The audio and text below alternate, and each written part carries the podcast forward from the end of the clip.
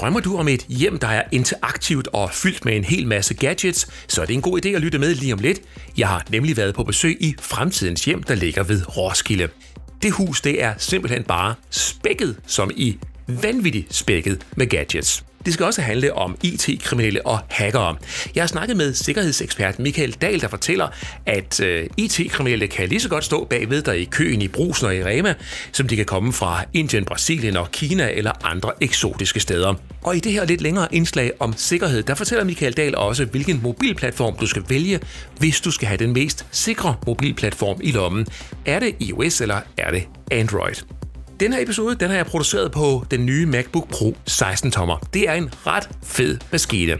Du kan høre en mini-anmeldelse af den nye MacBook Pro 16-tommer til sidst i den her episode, der er nummer 68 af Tech-podcasten fra meremobil.dk. Den er optaget den 2. december 2019, i øvrigt med lys i kalenderlyse her ved siden af. Mit navn er John G. Der udsendes ofte sikkerhedsopdateringer til smartphones og computere, og jeg modtager selv en hel del pressemeddelelser fra firmaer, som overraskende nok sælger sikkerhedsløsninger. Og her er budskabet, at vi skal passe godt på vores data, og det kan netop deres produkt hjælpe med at beskytte en imod. Og jeg tænker tit, hvor ti, øh, jeg tænker tit over det her med, med den her tanke, hvor bekymrede skal vi egentlig være? Og derfor har jeg ringet til en øh, kapacitet på området, øh, Michael Dahl, og velkommen til Michael Dahl. Tak for det, John. Du har i 13 øh, år eller det omkring øh, arbejdet med sikkerhed for F-Secure, senest som chef for hele det skandinaviske marked, og lige nu der er du så på vej til nyt job, og det gode ved det er så, at du ikke har en kasket på, hvor du skal sælge sikkerhed til, øh, til mig eller til dem, der lytter til podcasten her.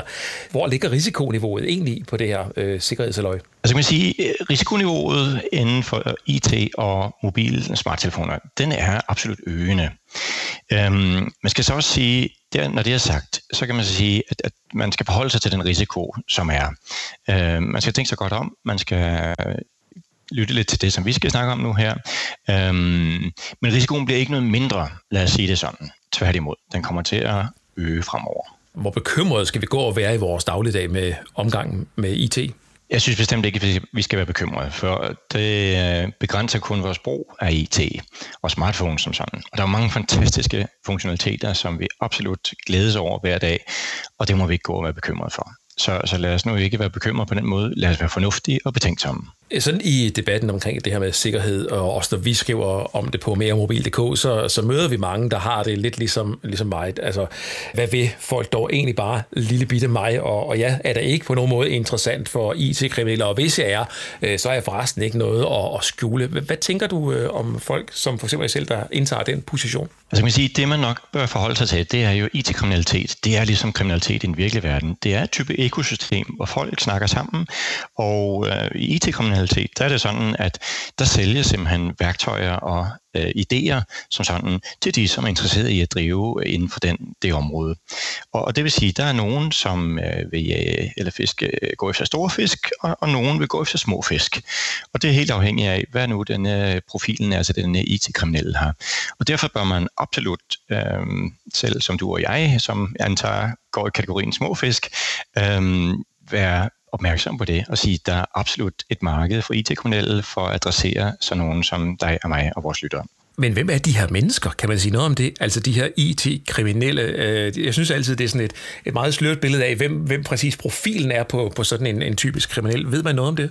Jamen det er nok fordi, der ikke er nogen øh, specifik profil. Det kan være alle mulige typer mennesker, som øh, har stor kundskab inden for IT-verdenen, og som så også der er ligesom interesseret i at tjene nogle hurtige ekstra penge, enten øh, øh, som ved at bygge op et større organisation, eller stille og roligt i, øh, ved siden af, hvad de nu ellers laver.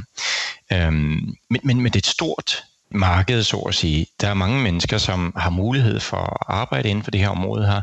Og man kan sige, at det som egentlig er essensen er jo, at risikoen, hvis du er IT-kriminel, er langt, langt mindre for at blive taget, end den er, hvis du er kriminel i den virkelige verden. Så det her er simpelthen den enkle løsning for at tjene hurtige penge. Hvor bor de henne i verden? Det er helt uafhængigt. De kan bo hvor som helst i verden. I og med, at hele digitale samfund, der er forbundet, jamen så øh, kan det her ske fra Østeuropa, det kan ske fra Rusland, det kan ske fra Kina, det kan ske fra Brasilien, det kan ske fra små omneder. Jeg har da i mit hoved en tanke om, at de her mennesker, de sidder i hvert fald ikke inden for Europas grænser. Vi kan kalde det for det gamle Europa, for nu at være rigtig karikeret. De, de sidder, hvis de, I mit hoved, der sidder de jo mest øst på, og så måske i Kina og Indien og sådan nogle steder der. Er, er det sådan helt forkert, eller er det bare sådan en forestilling, jeg har? Du kan øh, se på det på den måde, at nogle, nogle gange vi ser de her phishing-mails, øhm, som du modtager enten på telefonen eller i din mailbox. Nogle af de er jo håbløst skrevet, og man kan se med det samme, at det her Google Translate, som har været på spil, men andre er jo rigtig dygtigt lavet, hvor øhm, der er kopieret en hjemmeside fra en bank, eller hvad det nu er, og hvor teksten virkelig er øh, overbevisende. Og, og det her er ikke folk fra Indien, som sidder og laver det her. Der sidder nogen i blandt andet Danmark og hjælper til med at lave sådan en type ting her. Så, så vi må ikke tro, at, at det her kun sker i meget eksotiske steder. Absolut ikke. Det her det er værktøjer, som sælges online, og hvem som helst med et kundskabsniveau inden for det her område, og en eksponering for det, og lyst til det område her, de kan altså gå i gang med at, at begå IT-kriminalitet. Du får det nærmest til at lyde som sådan en hel branche, altså nærmest som om, at man har opdateret det her på sin LinkedIn-profil. Det er nok ikke nogen god idé at opdatere LinkedIn-profil akkurat, men det er en branche altså. Det, det er ret og slet værktøjer, som bliver solgt og videre solgt for, øh, for, for kroner og øre, og typisk bitcoins der, øh, og andre øh, digitale øh, valutaer. Så man kan sige, hvis du har nogle penge, som du er kommet til på en eller anden måde, som du ikke øh, så gerne vil dele med skattevæsenet, jamen så er det jo en fantastisk måde at bruge pengene på at købe værktøjer til at tjene flere penge. Hvordan tjener de IT-kriminelle penge på, på du og jeg, hvis de øh, får, får fat i os, så at sige? Det kan jo ske ved simpelthen transaktioner. Øh, de får hacket din netbank, eller den betaling, som du gør med din smartphone, og de får øh, fingre i den transaktionen her. Og det kan enten være ved, at du tror, at du overfører til en konto, men du overfører til en anden konto. Det kan også være ved, at din kontant, eller de, de bankkortinformationer bliver stjålet, og du vil så se, typisk, så vil det ske transaktioner på dit øh, kreditkort efterfølgende, som du ikke har noget med at gøre, og som er vældig vanskelige at, at forfølge, så at sige, det digitale spor. Så det er to typiske muligheder. Øhm, så er der sådan en masse andre muligheder for også, at du kan blive udnyttet, øhm, men det kan vi gå lidt i detalje om på en anden podcast. I alt det her, er der så noget, man selv kan gøre? Altså er der noget, man sådan skal være særligt opmærksom på, når man omgås med, altså på nettet generelt selvfølgelig, og ens apps, ens smartphone og alt det der digitale teknik, som vi har omkring os? Et gennemgående råd, det er jo simpelthen at tænke sig igennem og sige, hvad er det for nogle transaktioner, som jeg gør? Hvornår gør jeg dem? Hvor gør jeg dem? Hvem er omkring mig? Og det er enten om det er digitalt, eller det er fysisk i verden. Øhm, og digitalt er selvfølgelig at sige, hvem er det, du handler med? Øhm, hvem er det, som du øh, enten er relateret til eller overfører penge til? Og i den virkelige verden er det selvfølgelig i forhold til, hvem er det, som eventuelt står omkring dig? Hvis du skal gøre en transaktion, øh, i en butik, står der nogen meget tæt på dig? Står der nogen, som ligesom øh, kigger der lidt over skuldrene, jamen så er det en god idé at være opmærksom. Så det er bare det, at for eksempel ude i butikkerne at være opmærksom, fordi den, der står ved siden af dig, kan have trælse hensigter. Absolut, absolut. Og det er et typisk øjeblik, hvor netop man skal være opmærksom. Det er, når selve transaktionen sker. Nu taler vi om transaktioner, og flere og flere ting rykker jo over på vores øh, smartphones, her blandt øh, mobilbetaling, øh, mobile pay, Apple Pay og hvad det nu ellers hedder. Og det får vi altså nok ikke mindre af i fremtiden i hvert fald. Hvad tænker du, at vi skal være opmærksom på i den her forbindelse? Jeg håber ikke, for mindre af det, fordi det er jo fantastiske værktøjer. Altså, jeg synes jo, det er helt fantastisk, at jeg ikke behøver kort eller penge med. Jeg skal bare have min telefon, så jeg kan betale. Så, så det bliver der bestemt mere af. Det håber jeg da absolut. Når man bruger det her, så skal man selvfølgelig, øh, man kan sige, transaktionen sker jo mellem telefonen og terminalen, som står i butikken. Det, som man vel skal være nok så optaget af, det er jo at sige, hvor er telefonen hen, når den er aktiveret til at sende signalet over og gøre en, en transaktion. Så man kan sige, øh, sørg for ikke, at der står nogen tæt op til dig, sørg for, at der ikke er nogen, der har en telefon i nærheden af din telefon, for det er typisk det, som sker jo, at i stedet for at transaktionen går over til en terminal, jamen så kan det gå til en anden telefon eller device, som er nærheden af din telefon. Så det er den ene del. Men man skal så også være opmærksom på lige før og lige efter, for typisk det, som kan ske, er jo, at der vil ske det som en skimming. Altså nogen simpelthen tager et lille device op imod din lomme eller din taske, hvor du har din telefon, og på den måde har mulighed for at gøre en transaktion, hvis ellers din telefon udsender information om at gøre klar til en betaling. Så kan det simpelthen, som om det havde været en terminal, give telefonen besked om, at nu skal du overføre penge, og hvis man står tæt nok på, så kan man altså lykkes med det. I MobilePay, der skal man jo sådan swipe, når man øh, skal, skal gennemføre øh, betalingen. Der, der er det vel ikke muligt sådan på den måde at øh, lægge sig imellem ved at, at lave det der lommetrik, du snakker om? Nej, hvis du gør med Apple Pay, der skal du reelt set bare holde telefonen. Du skal først ligesom aktivere Apple Pay, og så skal du holde telefonen op mod terminalen. Og i det tilfælde, der kan det lade sig gøre. Men ellers med MobilePay, der er det rigtigt, der kommer en bekræftelse, du skal betale, eller du skal swipe, og så bekræfter du transaktionen. Men Apple Pay behøver du ikke det. Der kan du bare holde den op mod terminalen. Så hvis man nu lige leger med tanken om, at du står ved kassen i, øh, i øh, et sted, hvor de tager Apple Pay, og så øh, vil lægge dit vare op, og du har gjort din telefon klar. Det har personen, der står ved siden af, set, at du har gjort den klar. Og vedkommende øh, snubler sig ind i dig med en hel masse varer, og, og taber så nogle af dem, så du bliver uopmærksom på en eller anden måde. Altså det vil sige, nu har han altså set, at du har en telefon, der er enabled for Apple Pay, og nu laver han så et lille stunt ved siden af dig, der lige får øjebliks nok uh, øh, attention til, at, uh, at man kunne uh, blive eksponeret for en risiko. Er det, er det sådan noget, man kunne forestille sig? Præcis. Det er typisk forløb, ja. Jeg skal lige sige, at jeg har engang selv fået stjålet en øh, taske fra en øh, taxa i Barcelona øh, på netop den der måde med nogen, de vælter ind i en. Så øh, det kan lade sig gøre, men det var dog kun en, øh, en taske, og så ikke redde penge. Men det var træls alligevel. Michael, hvad sker der, hvis øh, uheldet er ude, og det her det, det forekommer for, øh, for en af vores lyttere? Hvad, øh, hvad gør de så? Ja, man kan sige, det som er vigtigt at bare få helt afklaret, det er jo, at hvis det uheld er ude, så er det sådan, at bankerne de erstatter de tab øh, som privatperson. Så det vil sige, at de går ind typisk erstatter tabet, og, og så er du ligesom skadesfri på den måde. Men det er præcis som en forsikringssag. Du skal altså øh, umiddelbart give information til banken om, at nu har jeg set en transaktion, som jeg bestemt ikke kender noget til, og banken skal validere det her, du skal bekræfte det, osv. osv. Så det er præcis som hvis du vil have et indbrud, du skal udfylde forsikringspapirer, og så vil du få erstattet det tab. Det kan dog også ske, at banken mener, at du har en vis selvrisiko. Så hvis de oplever, at forløbet, som har sket, har været på nogen måde skødesløst, så kan de altså gå ind og sige, at vi dækker kun det her beløb, som er over din selvrisiko. Så det skal man være opmærksom på. Og Endelig så skal man også være opmærksom på, at hvis man er virksomhedsejer eller arbejder i et firma, jamen så er virksomhedens transaktion eller virksomhedens penge, de er ikke på samme måde dækket ind af bankerne. Der må virksomheden have en specifik forsikring til at dække den type angreb her.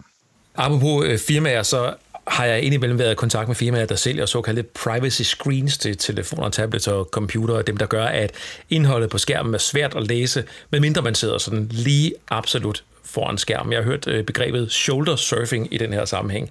Er det her noget, der reelt øh, er en risiko for, altså at man bliver luret over skulderen ude i det offentlige rum?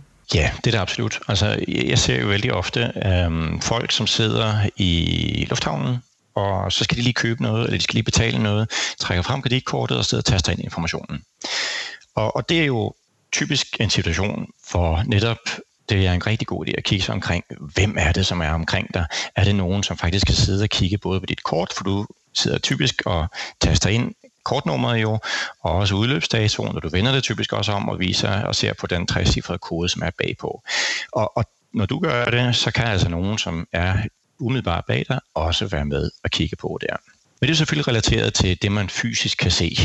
Og det er jo ikke, kan man sige, egentlig afhængig af skærmen som sådan. Men, men jeg ser jo også de her diskretions- øh, eller privacy screens her, altså de har jo sin nytte, i hvert fald når folk sidder igen i toget eller på flyet og arbejder med konfidentielle ting. Jeg har nogle gange siddet og, og ligesom tilfældigvis kigget op, og så sidder folk fra en eller anden bank eller fra et eller andet større projekt, og arbejder med tydeligvis vældig konfidentielle ting, som jeg reelt set kan sidde og følge med i øh, ved sæde bag eller noget, hvis nu jeg havde haft interesse i det. Så man kan sige, det, det giver jo absolut mening. Jeg tror nok, det giver mest mening på på PC'er, på Macs øh, og tablets eventuelt, end det gør på telefoner. Det er nok vanskeligt at kunne se, hvad der sker på en telefon, og det er nok sjældent, at man sidder ligesom og laver, arbejder med konfidentielle dokumenter eller præsentationer på, øh, på sin telefon. Men jeg skulle nu sige, i, i den anden sammenhæng, så, øh, så bør man absolut være opmærksom. Og i særdeleshed, hvis man nu skal gøre en pengetransaktion, så øh, vær opmærksom på, hvem der er omkring dig, og også det wifi-net, som du benytter. Det med wifi kommer jeg tilbage til lige med et øjeblik, øh, Michael, men øh, jeg kan lige sige, at i øh, forhold til det her med, med shoulder surfing, så sad jeg faktisk øh, et oplevelse, jeg selv havde. Jeg tror, jeg var i lufthavnen i Amsterdam. Jeg havde lige været til et, en pressemøde, sådan et pre-briefing forud for en given producents lancering af en telefon, og man fik lov til at se telefonen før, man fik udleveret materialet før pressemødet, sådan en uge før-agtigt. Og så sidder jeg i lufthavnen, og jeg skal lige til at, øh, at tænke, der kunne jeg lige sidde og øh, arbejde en time på det materiale, jeg havde fået udleveret. Indtil det slog mig, at lige nu, der eksponerer jeg jo, hvis jeg gør det her, det materiale, som jeg lige har fået udleveret kon, øh, konfidentielt for verden omkring mig. Og der ved vi jo også inden for, øh, for min branche her med telefoner og teknologi, at der er jo store penge i at, øh, at kan opsnappe informationer og, og lægge informationer øh, steder, hvor folk de gerne vil købe dem selvfølgelig. Så det er sådan et andet meget håndgribeligt eksempel fra, øh, fra den virkelige verden. Præcis, så jeg skulle sige, altså alle, som netop kommer i forbindelse, der skal sidde og arbejde konfidentielle ting, der giver det rigtig god mening, medmindre man da er virkelig opmærksom på at kun sidde op mod en væg eller på en anden måde, og ikke nogen ved siden af dig, hvor, hvor ligesom, du ved, at her er der ikke nogen, der kan kigge med. Og nu nævnte du selv wifi for lidt siden, at man skal være opmærksom på wifi-netværk, for det er jo nogle gange noget, vi jo øh, bestemt også skriver om, men også hører om, at folk de siger, jo, pas nu på med de her åbne wifi og øh, bluetooth-forbindelser og, og den slags. Hvad er der af problemer med det? Der er jo, det er to delt. For det første så er der jo det problem, hvis du reelt set ikke kommer ind på det wifi-netværk, som du tror, du er inde på. Så eksempelvis i lufthavnen, jamen, så har du det her Airport Free, eller Airport, eller hvad det nu hedder. Men det er jo så oplagt, så man kan sige, for de, som er interesseret i at, at, at skamme information, så kan de jo reelt set sætte sig ud i lufthavnen i en afgangsterminal, hvor der er mange mennesker, og så laver de simpelthen hotspot øhm, og kalder det Free Airport. Og det vil sige, at de folk, som kobler sig til det netværk, de sidder reelt set og afleverer al den information, øhm, som de sender fra sig øhm, til den person, der sidder med det her øh, hotspot her. Det du siger til mig, det er, at den information, jeg sender via øh, wifi-netværket for eksempel, at den er ikke, den er ikke krypteret på nogen måde, at den er sådan fri og åben, alt det, jeg sidder og skriver, eller hvordan skal jeg forstå det? Det kommer helt an på, hvad det er for en mailstruktur, du, du bruger jo.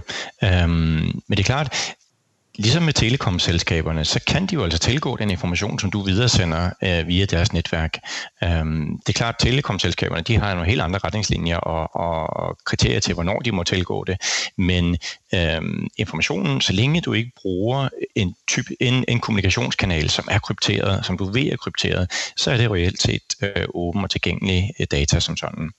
Og det skal man også være opmærksom på, når man nu sidder og arbejder med forskellige apps, og den information, som sendes i appen, er er det krypteret information eller ikke det? Og der er forskellige krypteringsniveauer, og nogen som slet ikke er, øh, når vi nu snakker kommunikationsværktøjer på mobilen. Og det vil jeg lige skylde mig at sige, er appsene meget, meget dårlige til at informere om, hvordan de her informationer de, øh, de bliver sendt frem og tilbage.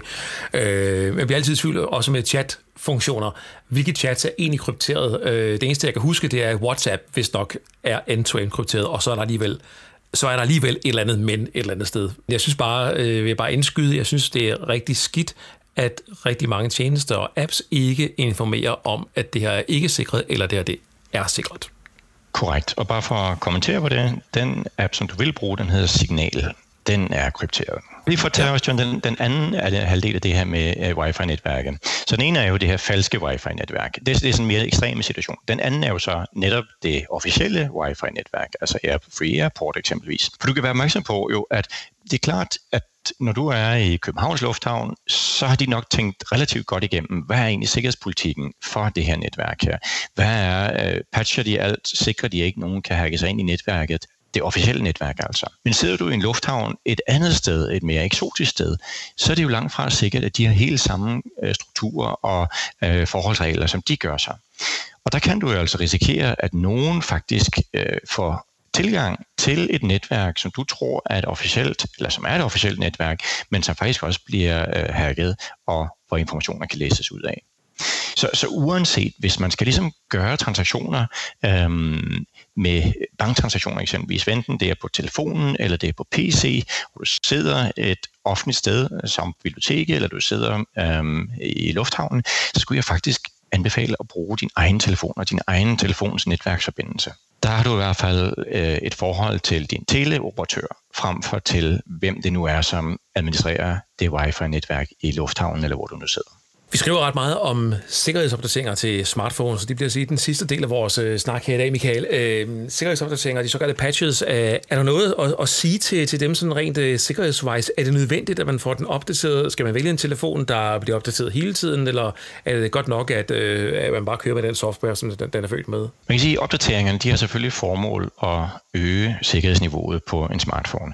Men det er klart, at også opdateringerne har primært et formål til at få operativsystemet til at fungere så godt som muligt, for din telefon til at fungere optimalt. Så som ikke andet den årsag, så giver det god mening at til enhver tid opdatere sin telefon. Når så vi skal prøve at tænke lidt over øh, risikobilledet og runde lidt af med det, vi indledte med at snakke om, så kan man sige, at mobile virus er ikke ekstremt eksponeret. Du er langt mere udsat på en øh, PC, end du er på en smartphone som sådan for at, at få virus. Og faktisk kan man se, at det, det svinger lidt op og ned fra kvartal til kvartal, men der er ikke sådan en eksponentiel stigende øh, kurve for mobile virus.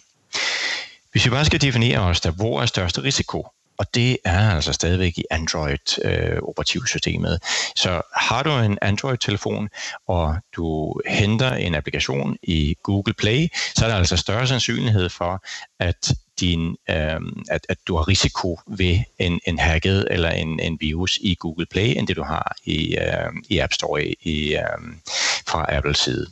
Så, så, så der er en helt klar differentiering, og det er simpelthen fordi, at Apple er meget mere øh, nøje, når de godkender applikationer til deres App Store, end, end det som Google gør til Google Play, hvor, hvor enormt stort antal af leverandører kan levere sine apps ind til, og de er ikke klar for at tjekket alting. Så man kan sige, malware-inficerede apps, det er en risiko, og så har du altså også risiko for at få trojaner og få ransomware også på din mobiltelefon. Men jeg skulle sige, det er altså langt mindre øh, risikofyldt, end det er på din PC. Stadigvæk. Kan man stramme det op til, at det er mere risikofyldt at have en Android-telefon, end at have en iPhone? Ja, det kan man godt. Det er helt klart, at øh, det er absolut sådan. Og, og, og det, kan man, det kan man dokumentere. Altså, det er ikke bare en, en holdning, som, som du indtager Ja, fordi at øhm, Apple er meget mere nøje, når de går ind og tjekker sine apps, før de godkender dem. Så de, som øh, ved om at lave applikationer til øh, App Store, de ved, at det er en enorm øh, omfattende proces at få din applikation godkendt og publiceret i App Store. Og der er det altså lidt nemmere i Google Play, og det betyder så også, at der af og til øh, sniger sig ind apps, som ikke er det, de giver sig ud for at være. Så fik vi sat punktum der. Michael Dahl, tak for din tid. Vær så god.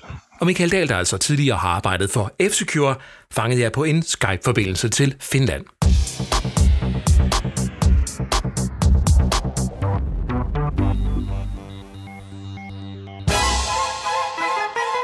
Lidt uden for Roskilde ligger nybyggerområdet Vindinge. Her har Eodan Huse opført et 194 kvadratmeter funkishus, som er spækket med moderne elektronik og gadgets. Huset ligner umiddelbart en helt almindelig nybygget bolig. Du skal nemlig helt tæt på for at opleve teknologierne. Kablerne er gemt i væggene, og husets fladetag gemmer på solceller, som ikke kan ses fra gadeplan. En batteripakke sørger desuden for at opbevare strømmen, så du altid har lidt grøn strøm på lager. Intelligente pærer, elektroniske dørlåse, højtalere, vaskemaskine, tv-skærme osv. Det hele er på nettet, og nogle af enhederne kan desuden styres med Google Assistant. Det mest bemærkelsesværdige ved fremtidens hjem er nok mængden af gadgets, og at disse kan købes i butikkerne. Dermed fungerer fremtidens hjem som et udstillingsvindue og inspiration til dem, som gerne vil gøre deres egen bolig lidt mere smart. Jeg har besøgt fremtidens hjem. Der bor ikke nogen, heller ikke The Jetsons, men jeg mødte dog Torben Vognsen fra magasinet Input efter aftale, der sammen med tv-vært David Gulager har fået ideen til projektet. Så vi kommer på besøg i fremtidens hjem, der ligger en chat uden for Roskilde, og det er altså et hus, som Eurodan sammen med en masse partnere har fået op af jorden at stå, med en masse smart teknologi i. Torben, du har været en øh, stor del af det her projekt, for ikke at sige fødselshjælper på det.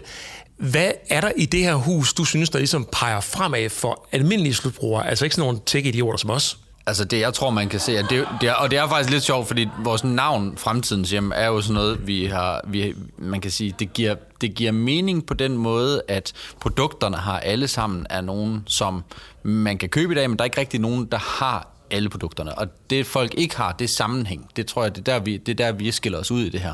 Det er fordi, vi har så mange produkter, og de stort set alle sammen snakker sammen. Øh, der er rigtig mange, der har installeret noget Philips Hue, eller har installeret et eller andet øh, smart produkt derhjemme, og har fået øjnene op for én ting. Men det er de færreste steder, at der sidder 120 Philips Hue-lamper, og alle gardinerne er intelligente, og alle ovenlysvinduerne, og alle vinduerne generelt er intelligente. Øh, skalsikringen er intelligent. Altså det hele på huset her er intelligent, og vi har prøvet at gemme det lidt. Øh, og det er faktisk meget sjovt, fordi det er også en af de ting, vi har fået kritik for, det er, at folk siger sådan, ja, det er ikke særlig meget fremtidens hjem. Det er fordi, de kommer, og så forventer de, at det er The Jetsons, der bor her, ikke også?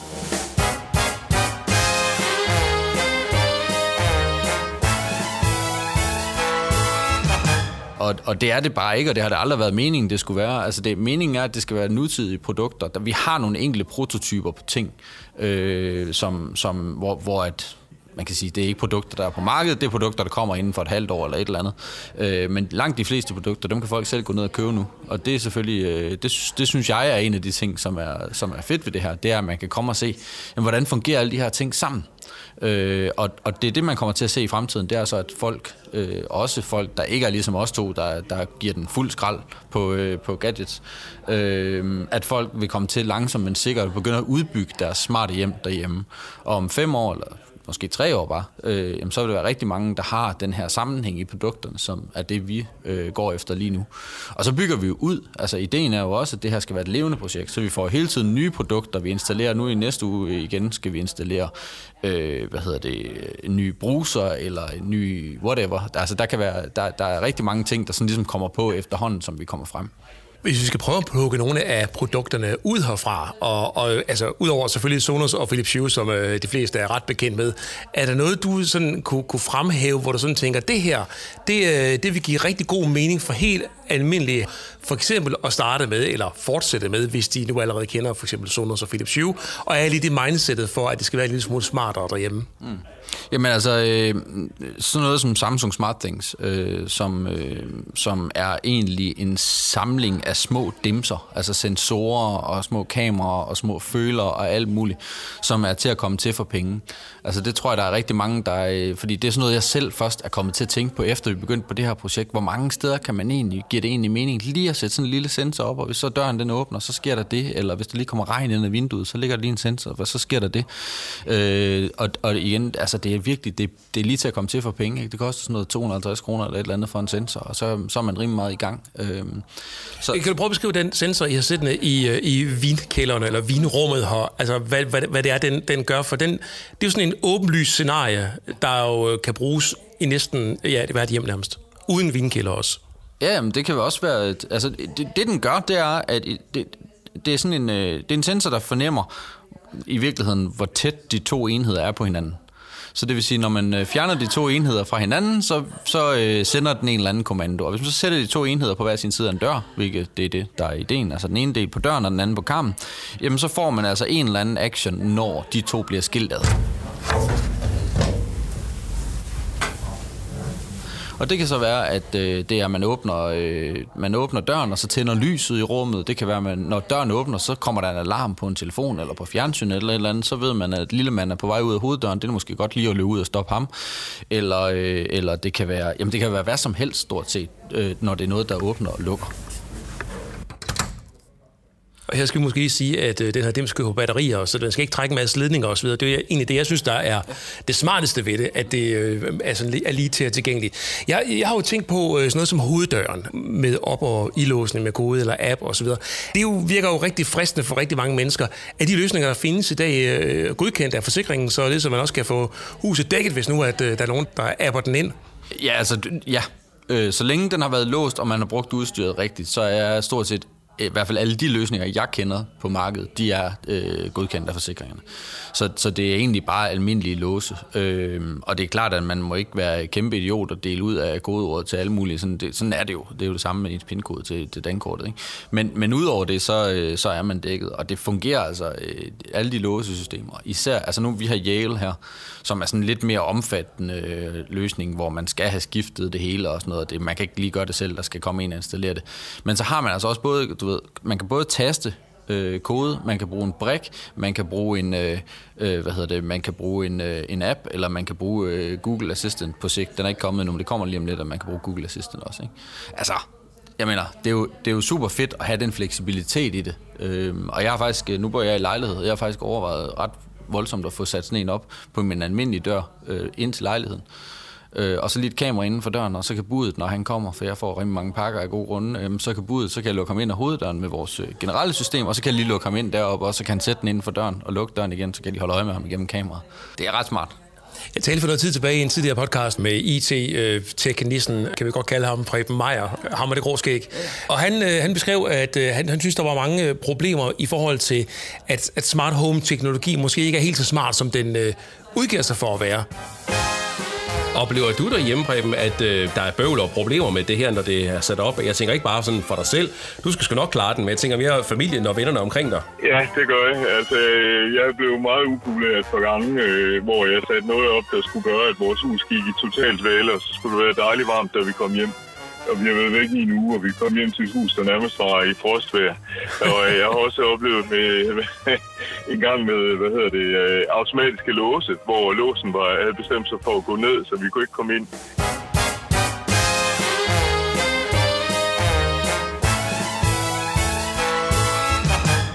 Har du også øh, haft en not so smart home oplevelse eller flere her i huset? Altså, vores issue hernede, og det problem, som de fleste vil støde ind i, det er, at det er stadigvæk ret svært at få tingene til at snakke sammen nogle gange. Ikke? Altså, der kan, du kan stadigvæk løbe ind i en hel masse problemer med det, og så er der, øh, du ved, der er begrænsninger på nogle ting, som man ikke lige ser for sig, når man begynder at installere dem. Altså, øh, Øh, og, og, og det er klart, dem kommer man til at løbe ind i, og lige så opdager man også, at hvis man har rigtig, rigtig mange ting på netværket, hvis, hvilket vi har hernede, så, så det kan det ikke rigtig klare længere. Så bliver det helt lidt ustabilt, og så bryder det sammen, og lige pludselig, altså, du ved, man løber ind i sådan nogle ting, og det er heller ikke nødvendigvis 100% let at få tingene til at spille sammen fra de forskellige producenter. Øh, og det er jo en af de ting, vi undersøger her. Det er jo en af de ting, vi synes er sjovt at kigge på. Det er, kan man få det til at spille sammen? Det begynder jo at lykkes nu, men det har jo så også, vi har været i gang i tre måneder med at sætte ting op i huset, ikke også? Og, og det er en måned siden, vi åbnede, og vi er jo stadigvæk ikke på plads. Det kommer vi nok egentlig heller aldrig, fordi vi kommer til at tilføje nye ting hele tiden. Så, så øh, der er sådan en... Øh, det er en udvikling, men igen, hvis vi havde gjort det her for fire år siden, så tror jeg ikke, det havde været muligt. Altså for tre år siden. Jeg, jeg tror simpelthen ikke, du har gjort det. Du har ikke fået tingene til at snakke sammen. Der var ikke Google Assistant, der ville have virket på nogen måder. Og det, altså, du ved, det, det er nu, man kan begynde at gøre det, og det er nu her fru Sovs derhjemme, de selv kan begynde at gøre det. Ikke? Hvornår tror du, at uh, smart home det bliver sådan et begreb, man snakker om uden for sådan nogle kredse, som vi to befinder os i? Jamen altså, smart home skal jo helst holde op med at være smart home på et tidspunkt, og bare være home for at være helt ærlig. Altså, det skal helst være sådan, at det er ting, at der er nogle ting, der er jo selvfølgelig nogle ting, at det vi laver her, som aldrig nogensinde bliver standard nogen steder, fordi fordi det gør det bare ikke. Men, men øh, der er jo rigtig mange af de ting her, som, som jeg tror, vi kommer til at se som simpelthen standard på alle huse øh, i fremtiden. Altså vores solceller på taget, vores øh, batteripakke, vores øh, du ved, biloplader til elbilen. Alle de der ting, de, de er jo allerede ved at blive standard på rigtig mange, især nybyggede hus, men også ældre hus får det installeret nu øh, øh, og lejligheder og sådan noget, der bliver sat i stand nu, de får jo også smarte køleskaber og alt muligt sat ind fra starten af. Så jeg tror, at det vi kalder smart home nu, det er bare home om fem år. Du har mulighed for selv at opleve fremtidens hjem på tætteste hold, der er åben hver søndag. Hvis du vil høre IT-guru Preben Meyer fortælle om hans Not So Smart Home, så skal du spole tilbage til episode nummer 51, der blev udgivet i august 2018. Og så i øvrigt tak for lån af musikken til indslaget her. Det var den originale kendingsmelodi fra Jetsons, du hørte brudstykker af. The Jetsons var i øvrigt en komisk tegnefilmsversion af Fremtiden, når den havde premiere i 1962. Jetsons er ligesom Flintstones og Tom og Jerry opfundet af William Hanna og Joseph Barbera. Den her episode den er produceret på Apples nye 16-tommer MacBook-computer. Og lige præcis det her indslag skal du lytte ekstra godt efter, hvis du interesserer dig for lyd. Hvorfor kommer jeg tilbage til lige om lidt. Lad mig lige starte med at fortælle lidt om den nye MacBook. Det er sådan, at øh, Apple har haft en øh, hel masse ballade omkring deres øh, tidligere MacBooks i den nyere serie, det med USB-C-stik, for de introducerede jo deres nye Butterfly keyboard, som altså skulle være et nyt og lækkert tastatur, øh, mega flat og øh, mega let at trykke på, så man skulle kunne skrive hurtigere og bedre, var sådan ligesom tanken. Men øh, det fejlede så nu lige tilbage med et, øh, et sakse-design og, og gjorde det et langt, langt, langt bedre tastatur, end det vi har set på de tidligere MacBooks. De andre tastaturer har jeg over tiden vendt mig til, men lige den her gang, der må jeg sige, at der er det altså virkelig blevet godt øh, på den her 16-tommer udgave. Og en anden ting, der også er godt, er, at de har rykket en lille bitte, bitte, bitte smule rundt på tasterne, og det gør så også, at man ikke laver fejltryk på touchbar. Mange gange har jeg været udsat for at sidde og skrive, og så kommer jeg øh, uheldigvis til at ramme deroppe, hvor øh, der er touchbar genvejer for så åbnet øh, iTunes eller andre programmer ved at ramme touchbaren. Øh, den øh, ting er fuldstændig elimineret. Vægten den er trods forøgelsen af skærmen kun steget en lille bitte smule, men selvom det kun er en forøgelse fra 1,83 kilo og op til 2,0 kilo, så kan forskellen godt mærkes, særligt når man har de to computere ved siden af hinanden. Så det skal du lægge mærke til, hvis du overvejer at købe den her computer. Lyden fra højtalerne er i øvrigt fantastisk. Der er en god klang, der er en lækker bund, og der er virkelig også en god stereoeffekt, når du sidder med computeren foran dig, der selvfølgelig også er mega hurtig. Den her hardware er i stand til at redigere video i op til 8K-opløsning, og så kan du pro- håndtere professionelle lydproduktionsprogrammer med op til 200 spor, inklusiv effekter, instrumenter og så videre, afviklet i realtid. Priserne starter fra 21.500 kroner. Det lyder umiddelbart af mange penge, men spørger du mig, så synes jeg ikke, at det er særligt dyrt, når man tænker på, hvad det er, du får. Og det er så i øvrigt også en computer, der holder i lang tid fremover. Forhåbentlig da i hvert fald, altså en computer, du ikke skifter hverken i år eller næste år. Det er en langtidsholdbar investering. Det her det er computeren, du har med på job, hvis du for eksempel skal redigere video eller producere podcast og radio osv. på et hotelværelse. Og den fungerer også godt på kontoret med for eksempel en ekstern, ekstern skærm koblet på. Men det er ikke en computer, du bruger i et tog, i et fly til møder eller noget af den slags, noget af den slags der er den simpelthen for stor og for kluntet at have med rundt. Og så tilbage til grunden til, hvorfor du skulle lytte ekstra godt med på det her indslag hvis du interesserer dig for lyd. For det her indslag her, det har jeg optaget med den indbyggede mikrofon i MacBook Pro 16-tommer. Der vil også ske en hel del forbedringer og optimeringer her, og jo, det lyder anderledes end min Yeti-mikrofon fra Blue Designs her ved siden af, men øh, jeg synes, det er okay, når man tænker på, at man jo skal bruge det i situationer, hvor man ikke har andet tilgængeligt andet end mikrofonen, der er indbygget i computeren. Her synes jeg, det er et godt kompromis. Der kommer selvfølgelig en større anmeldelse af MacBook Pro 16-tommer på meremobil.dk. Her til slut lidt ananas i egen juice. Det er jo sådan, at den 1. december 2019, der fyldte meremobil.dk 6 år det er ret vildt, der er allerede gået seks år, vil jeg gerne lige sige. Og i øvrigt også øh, samtidig vil jeg gerne sige tusind tak til dig, der lytter med til podcasten, dig, der ser videoindslag, læser guides og tips og tricks og nyheder, og alt det andet, vi går og laver på meremobil.dk. Lena og jeg er uendelig taknemmelige for at have noget at stå op til hver eneste dag, og ikke mindst, at vi øh, får lov til at lave noget, der interesserer os og samtidig kan tjene penge på det, så vi har øh, råd til at stoppe og lave det her. Øh, altså få en månedsløn hver måned. Det er altså ret fedt. Så også i den sammenhæng, tusind tak til alle vores annoncører og samarbejdspartnere for at, at være med, og ikke mindst også tro på ideen, da vi satte stikket i den 1. december 2013 med 0 besøg og 0 kroner i kassen. I dag besøges mere mobil.dk af mellem 200 og 300.000 hver eneste måned. Hvis du synes, den her episode den var spændende lytning, så øh, anmeld gerne podcasten, eller endnu bedre, del med dine venner eller andre, du sådan synes skulle have glæde af, at der findes en dansk teknologipodcast, hvor alle kan være med. Podcasten findes på alle de store Android-platforms. Vi er på øh, Spotify, Apple Podcast og selvfølgelig også på den danske platform Podimo. Jeg hedder John G. Ha' det godt.